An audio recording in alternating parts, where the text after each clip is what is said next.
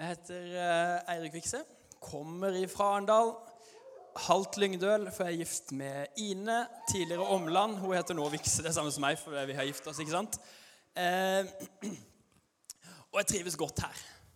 Eh, og jeg syns det er stas, og jeg syns det er gøy, og jeg syns det er litt kleint å snakke om sex og alkohol. For det er det jeg skal snakke om i dag. Og hvis du kom hit på Åpent hus og, ikke, og visste ikke hva temaet var, så eh, gir jeg deg en mulighet nå på fem sekunder. Hvis du går, hvis du syns det blir for kleint, eh, så kan du bare gå. Eh, men jeg skal prøve å gjøre det minst mulig kleint. Er det greit? Ja, så bra. Eh, ingen som gikk. Nå er det for seint, så nå får dere ikke lov til å gå lenger. Sex og alkohol. Jeg tror Vi bare kjører rett på, så blir vi ferdig så fort som mulig. Er det greit? Avtale? Ja, Ikke så mye tull og tøys og sånn. Vi bare gønner på. Jeg vet at her inne i Lyngdal misjonskirke på Åpent hus så er det folk i forskjellig alder. Det er folk i forskjellige livssituasjoner.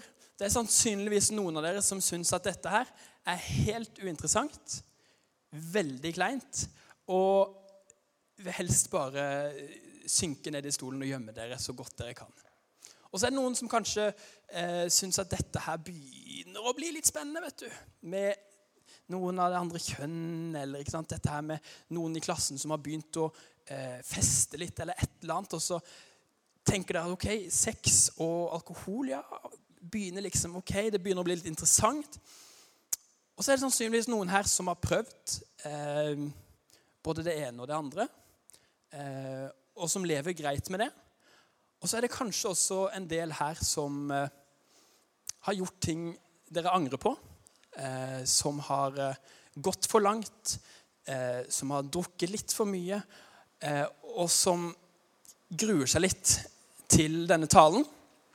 Fordi dere sitter kanskje med dårlig samvittighet og en klump i halsen. Og Når vi snakker om sex og alkohol i kirka, eh, så er det lett å på en måte være litt sånn ovenfra og ned, og det er lett å på en måte være litt dømmende. Det er i hvert fall det eh, folk utafor kirka tror. At når vi snakker om sex og alkohol, da er vi dømmende. Vet du hva? Jeg har lyst til å lese et bibelvers for dere i dag. Og det tror jeg er utrolig viktig eh, å ha med oss når vi skal snakke om det her. Er dere klare for det?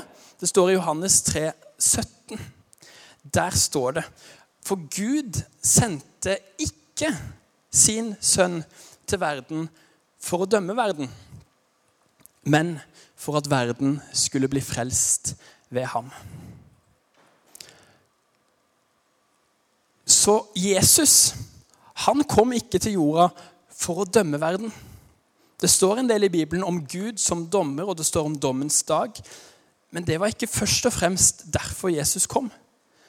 Jesus kom ikke for å dømme, han kom for å frelse. Frelse det kan være et litt vanskelig ord, men direkte oversatt så betyr det bare å redde. Vi sier at Jesus er vår frelser, så er han vår redningsmann. Han kom for å redde oss. Han kom ikke for å dømme oss, men han kom for å redde oss. Vi kan jo bare ha det ganske klart for oss, sånn at vi er enige om det, hva Bibelen sier om sex og alkohol. For det er jo ganske viktig. Og tusen takk. Mm. Mm. Å, det trengte jeg. Mm. For Bibelen snakker faktisk en del om sex, og den sier også noe om alkohol. Eh, Bibelen er ganske klar på det at sex det hører hjemme i ekteskapet. Det er det skapet som jeg akkurat har gått inn i, men jeg skal ikke dele for mye av mine egne eh, erfaringer. Eh, men sex det hører hjemme der. Der er det tryggest, der er det best, og der trives sexen godt. Sex det er en positiv ting. Sex det er Gud som har skapt det, og Bibelen skryter av sex, men det må være innenfor de rette rammene. Og Så står det også litt om alkohol i Bibelen. Det står ikke at alkohol er synd, men det står det at, har, at, at det er synd å drikke seg full. For da gjør man ting eh, man ikke ville gjort vanligvis, og så blir man en litt annen person. Um, Så det står at sex hører hjemme i ekteskapet, og at alkohol i seg sjøl, det er ikke galt. Selv om mange av dere er under 18, og da er det ikke lov i det hele tatt. Og det var dumt. Men eh, noen av dere er også over 18, og jeg skal ikke stå her og si at det er galt. Eh, men det er galt å drikke seg full. Det er Bibelen veldig tydelig på. Så det er det jeg tror, eh, og det er det jeg også prøver å leve i mitt eget liv. Eh, men så vet jo vi som bor i Norge i 2018, at det er jo ikke alle i dette landet som følger det som står i Bibelen. Er vi enige i det, så kan dere bare nikke sånn forsiktig. Det hender jo at sex skjer utafor ekteskapet. Det hender at det skjer på TV. Eh, det hender at det skjer eh, på byen, sånn one night stands. Det hender at det skjer i ganske annerledes rammer enn det som Gud skapte det til. Og så vet vi også at det hender at noen drikker seg fulle. Og så tenker jeg, hva blir konsekvensene av det her? Hva er det vi ser i dag, i 2018, som en konsekvens av det her? Jeg tror det at hvis alle i Norge hadde fulgt eh, det som står i Bibelen om sex og alkohol, så kunne du gått inn på Instagram eller på Twitter og søkt på hashtag metoo, og så hadde du fått ca. null treff. Hvis vi hadde klart å følge det. Jeg tror at skilsmissestatistikken hadde gått drastisk ned hvis folk hadde holdt sex innenfor ekteskapet, og hvis folk hadde klart å ikke drikke seg fulle.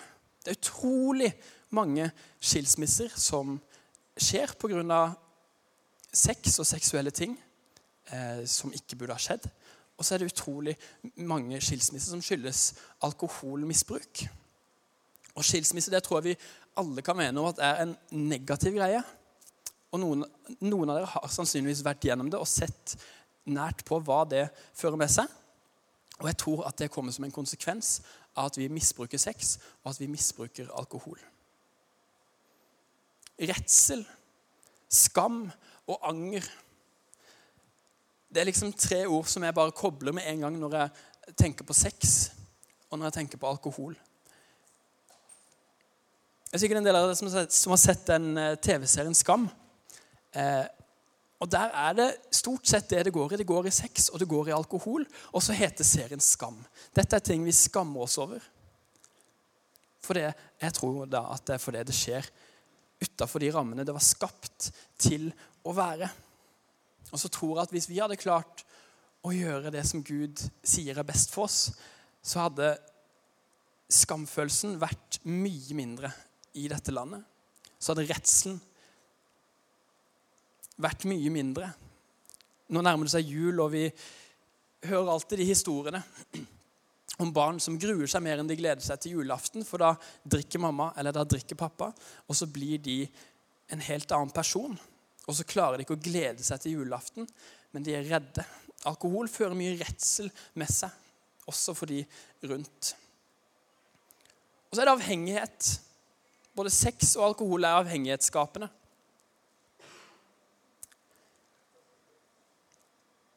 Det er ingen som drikker eh, første, sitt første glass med alkohol og tenker at yes, nå skal jeg bli alkoholiker. Nå skal jeg bli alkoholiker. Det er rett og slett noen som bare ikke tåler alkohol, og noen som ikke klarer å slutte. Og vi vet aldri hvem det er, og det er ingen som ønsker å bli det. Hvis vi hadde klart å holde alkohol og sex innenfor de rammene som Gud har gitt det, så hadde avhengigheten gått ned. Og så Siste ordet slengt opp her, det er kriminalitet. Utrolig mye av dagens kriminalitet skyldes særlig da alkohol. Det skjer i berusa tilstand. Det sier seg sjøl at når noen fyllekjører, så har de drukket for mye. Det klarer vi å tenke, gjør vi ikke det? Men også eh, andre typer kriminalitet, med tyveri, med mer alvorlige ting som drap og voldtekt. Det skjer veldig ofte i berusa tilstand. hvis folk hadde drukket mindre, så hadde kriminaliteten gått ned. Dette er noen av de negative konsekvensene som misbruk av sex og misbruk av alkohol fører med seg. Og så tenker jeg når det står i Johannes 3, 17, at Jesus kom ikke for å dømme, men for å redde. Så tenker jeg han kom ikke, og han er ikke her i dag for å dømme oss for det vi gjør galt. Men han er her for å redde oss fra det som står oppå skjermen her. Han har kommet for å redde oss fra den skammen, fra redselen, fra avhengigheten. Han har kommet for å redde oss fra alt det her. Han er ikke her for å dømme deg eller for å peke på deg og si at du gjør alt galt og du gjør ditt. Men han sier, 'Vet du hva? Jeg har en helt annen virkelighet for deg. Jeg har noe mye, mye bedre for deg.' Og jeg ønsker og jeg håper at hvis du tar i bruk det her, hvis du følger det jeg har for deg, så vet jeg at det kommer til å gå så mye bedre. Er det flere enn meg som ble tvingt av mamma til å bruke hjelm når dere var små? Jeg ser noen flaue hender. Jøss. Yes. Jeg ble det. Ja. Mm. Tror dere hun gjorde det for å være kjip? Tror dere det var ha-ha, nå blir du mobbeoffer på skolen. Ha-ha, du må bruke hjelm. Teit. Nei, for vi skjønner jo, vi skjønner jo hvorfor mamma og pappa lager regler for oss. gjør Vi ikke det? Vi skjønner jo at det er fordi de elsker oss. Det er fordi de vet at når vi sykler til skolen og tar av oss hjelmen og halve hodet, så kan det gå galt. For ungdom Nå snakker jeg eh, ikke så mye om meg sjøl, for jeg var ikke så tøff. Ungdom de prøver å style, ikke sant? Jeg har laga det her helt sjøl. Det er sant. Eh, ungdom de prøver å style på sykkelen, og hvis de da har tatt av seg hjelmen, så kan det gå galt.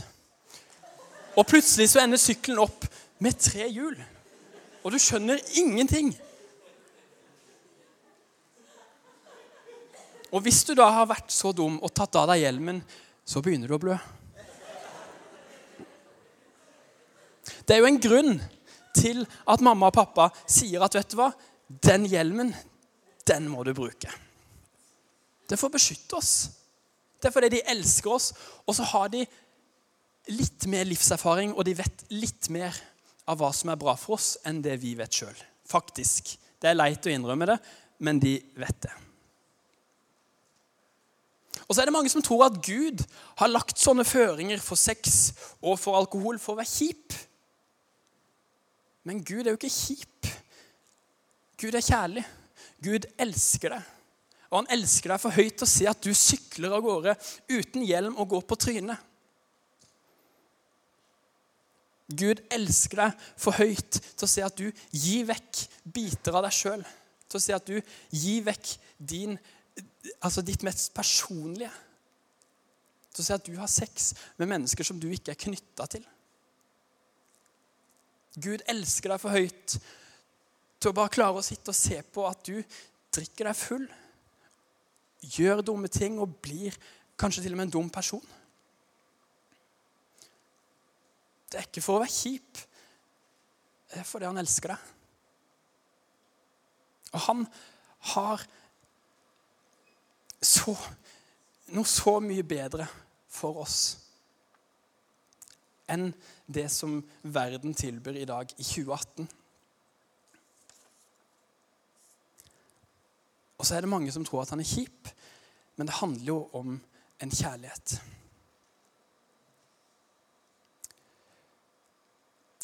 Det står i Bibelen at når vi tar imot Jesus, når vi begynner å tro på ham, så får vi noe som heter Den hellige ånd. Det er også Gud. Så får vi Gud på en måte på innsida. Og han fungerer som en veileder. Og han hjelper meg hver dag å ta riktige valg. Selv om jeg ikke alltid klarer det, så er han der alltid. Og han sier liksom, 'Erik, nå gjorde du noe dumt.' Og så ok, ja, da må jeg be om tilgivelse. ikke sant? Men han er der, og han ønsker å veilede. Han ønsker å vise hva som er godt, og hva som er vondt. Og jeg tror at vi som har tatt imot Jesus, og vi som har Den hellige ånd på innsida, vi merker det når vi gjør noe galt. Vi merker det når vi gir noe fra oss av vårt innerste, når vi deler noe som vi ikke burde ha delt, når vi drikker noe vi kanskje ikke burde ha drukket, så tror jeg vi kjenner det på samvittigheten. Og det tror jeg kan være Den hellige ånd. Som ønsker å veilede oss, og som ønsker å vise oss hva som er rett. Men det som er så fint med Den hellige ånd, det er at han er ikke bare en veileder, men han er også en trøster. Så når du ligger der og har tryna uten hjelm, så står ikke han der og sier ha-ha. Hva var det jeg sa? Dumme, dumme deg. Da står han der klar for å hjelpe deg opp, klar for å tilgi, klar for å gi deg en ny sjanse, klar for å heie på deg igjen. Sier at 'dette går bra', ja, men neste gang så klarer du det. Du hva? Det går fint. Det var dumt, det du gjorde nå. Du hva? Det prøver vi å glemme nå, og så går vi videre. Og så fungerer Den hellige ånd som en trøster i våre liv. Og Derfor har jeg lyst til å anbefale deg Jeg har ikke planlagt å ha noe sånn eh, frelsesinnbydelse nå. Men jeg har lyst til å anbefale deg, hvis du ikke tror på Jesus, så har jeg bare lyst til å anbefale deg det på det varmeste. For han er så god å ha. Kanskje særlig når det kommer til de her to tinga som er så skambelagt, og som er så nesten tabu å snakke om. Så syns i hvert fall jeg det er godt å ha Jesus som hjelper meg å ta riktig valg, og som trøster meg når jeg ikke alltid klarer det. Og Hvis du ikke har tatt imot Jesus, men du ønsker å gjøre det, så skal vi ha forbønn her framme etterpå. Så da anbefaler jeg deg å komme fram. Og det kan du også gjøre uansett hva det skulle være. Om det er noe som inngår i dette temaet her, eller om det er noe helt annet. Så har vi lyst til å be for deg. Men nå har jeg lyst til å be for dere alle sammen. Eh, vil dere reise dere opp? For vi skal synge en sang etterpå, så der står dere allerede. Kjære, gode Jesus. Takk for at du ikke kom for å dømme, men for å redde. Takk, Jesus, for at du ser alt det vonde som skjer i verden i dag knytta til sex og til alkohol. Og så ønsker du å gjøre noe med det. Du ønsker at vi skal leve annerledes. Ikke for å være kjip, men fordi du vet hva som er best for oss. Kjære Jesus, hjelp oss når vi blir litt trangsynt og ikke helt klarer å se det fulle bildet og ikke helt klarer å se hva som er best for oss, så ber jeg om at du skal hjelpe oss å være vår veileder. Hjelp oss å ta gode valg. Og så ber jeg deg, kjære Jesus, om at du skal være nær de som er i salen her nå, som, som kjenner at det her, det her har jeg dårlig samvittighet for, eller her har jeg gått på trynet. Her har jeg gjort noe galt. Her har jeg gjort noe jeg angrer på. De som kjenner på en skam, bare ber om du skal være nær. Og du skal vise dem at du også er en som trøster, og en som elsker, og en som tilgir. Velsign hele Åpent hus Lyngdal. Amen.